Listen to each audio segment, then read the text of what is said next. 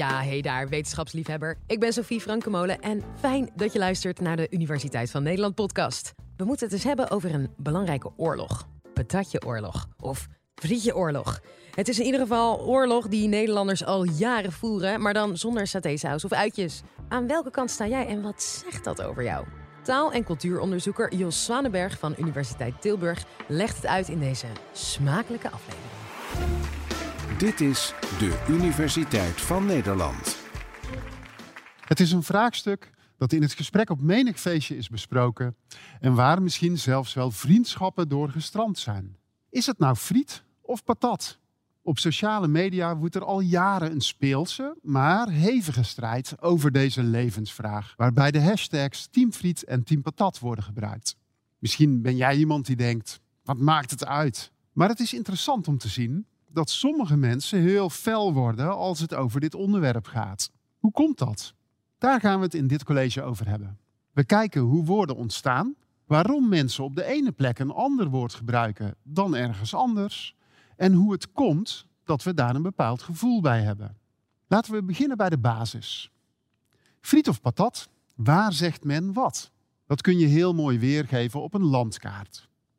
Grof gezegd zie je dat men boven de rivieren over patat praat en daaronder over friet of frieten. Bestel je friet in Amsterdam, dan ben je meteen herkend als zuiderling. Bestel je patat in Tilburg, dan verraad je je noordelijke roots. Je vraagt je misschien af, hoe komt zo'n kaart nou tot stand? Nou, precies als je zou denken. Naar een plek toe gaan, mensen een plaatje van friet of patat laten zien en vragen hoe ze het noemen. Of mensen per post of e-mail een vragenlijst sturen. Je snapt wel. Dit wil natuurlijk niet zeggen dat er boven de rivieren helemaal geen mensen te vinden zijn die friet zeggen. In het noorden zie je dus vooral het woord patat, maar ook een incidenteel patatfriet komt daarvoor. In Noord- en Zuid-Holland wordt op sommige plekken zelfs ook frieten gezegd. Naarmate je zuidelijker gaat, neemt friet het over. En in het zuiden, in Vlaanderen, is het bijna overal frieten. Goed, waarom hebben we in het Nederlands nou eigenlijk twee woorden voor hetzelfde? Waar komen ze vandaan? En wat betekenen ze precies? Je kunt dat opzoeken in de zogenaamde etymologiebank. Dat is eigenlijk een grote verzameling van woordenboeken waarin de herkomst van woorden staat. Mocht je dit interessant vinden, je kunt die gewoon online gratis raadplegen. Nou, als we patat en friet invoeren in die databank, zien we staan dat deze woorden een Belgisch-Franse ontleende verbinding zijn van de woorden patat-friet. Dat zijn een hoop mooie woorden om duidelijk te maken dat patat en friet eigenlijk twee kortere onderdelen zijn van het Franse patat-friet. En dat betekent dan weer aardappelen gefrituurd. Gefrituurde aardappelen dus.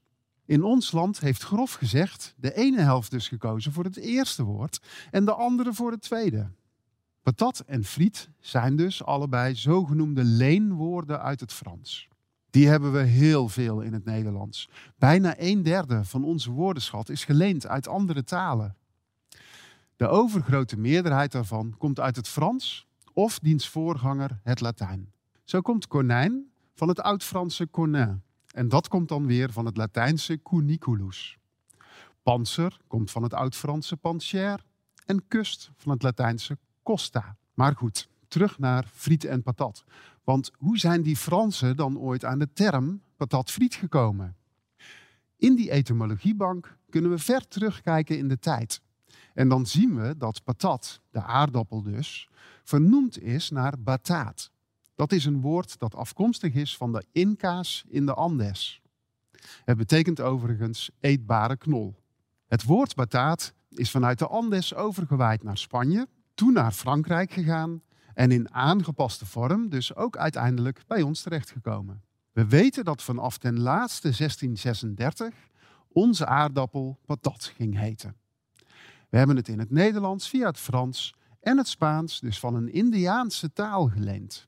Interessant is trouwens dat dat patatfriet het niet redde in het Frans. Pomfriet werd daar de meest reguliere naam. Maar eigenlijk zijn dat gefrituurde appels. Zo zie je maar, taal is een gekke zaak. Waarom koos nou de ene helft in Nederland voor de ene term en de andere helft voor de andere? In het noorden werd patatfriet verkort tot patat, maar voor veel zuidelingen ging dat niet. In de etymologiebank kunnen we weer lezen waarom. In de Belgisch-Nederlandse volkstaal is patat het gewone woord voor aardappel. Patat betekent in het zuiden dus al aardappel in het algemeen. Dus ook een rauwe aardappel of een aardappel die nog in de grond zit.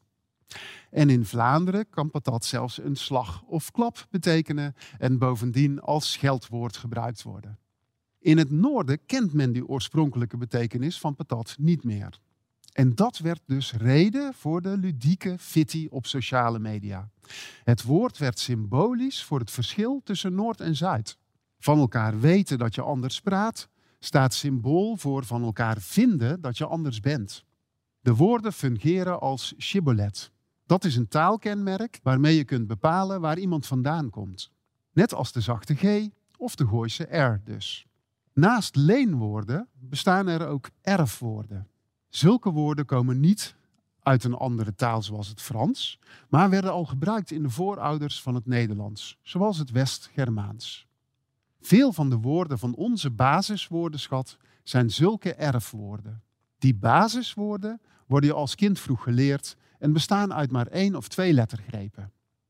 Oog, neus, tand, boom, water, vuur, vis, muis, vogel en ga zo maar door. Basiswoorden kennen nauwelijks variatie. Vis en vogel zijn in de Nederlandse dialecten vrijwel overal gewoon vis en vogel. Maar als je naar wat minder standaard erfwoorden gaat kijken, zie je dat daar wel heel veel variatie kan ontstaan. En op basis van welke variatie iemand gebruikt, kun je dan dus weer heel goed raden waar iemand vandaan komt. Laten we eens in de variatie van zo'n minder standaard woord duiken. Kijk bijvoorbeeld eens naar het woord sperwer. Dat is een kleine roofvogel. Eerst zal ik laten zien hoe oud dat woord is. Ook dat kun je weer online opzoeken, ditmaal in een zogenoemd historisch woordenboek. Je vindt daarin dat we dat woord voor het eerst hebben teruggevonden in een Frankische wettekst, de Lex Salica. Dit document stamt uit de vroege middeleeuwen, ergens tussen de 6e en 8e eeuw. Een stuk ouder dus dan het woord patat met zijn 1636. Hier zie je die Lex Salica en daarin wordt gesproken over sparwario. Nu gaan we kijken waar het woord vandaan komt. En daarvoor duiken we weer de etymologiebank in.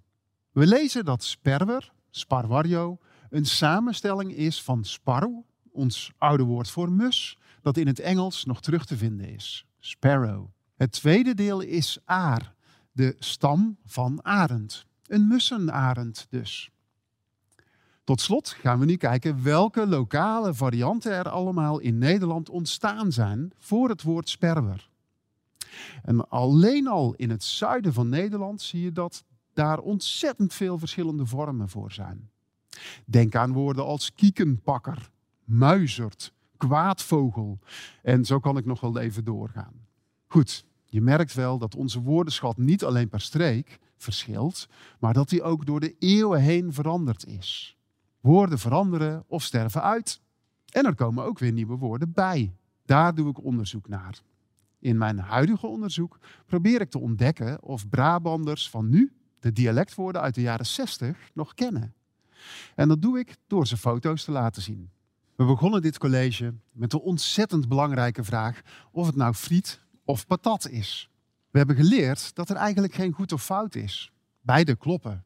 Waarom? Omdat het woord patat voor het ene deel van de bevolking nou eenmaal wat anders betekent dan voor het andere. Je zou ervoor kunnen pleiten dat iedere Nederlander hetzelfde zou moeten zeggen. Dat de taal een vast gegeven moet zijn en iedereen hetzelfde woord moet gebruiken. Maar dat is totaal niet realistisch. We zijn allemaal anders en we spreken ook allemaal anders. Het is helemaal niet erg dat er verschillen zijn. Het is juist mooi dat onze taal geen eenheidsworst is. Die diversiteit zorgt ervoor dat een taal leeft. Dankjewel voor je aandacht. Je hoorde Jos Zwanenberg. Ik hoop dat deze aflevering je een stukje wijzer heeft gemaakt. Hey, en luister je nou met plezier naar deze podcast? Word dan vriend van de show. Voor maar 2,50 euro per maand kun je ons al steunen. En met jouw hulp kunnen wij dan twee keer per week een podcastaflevering blijven uitbrengen. Dus ook lid worden van de nieuwsgierigste vriendengroep van Nederland? Check dan de link in de beschrijving. Tot de volgende!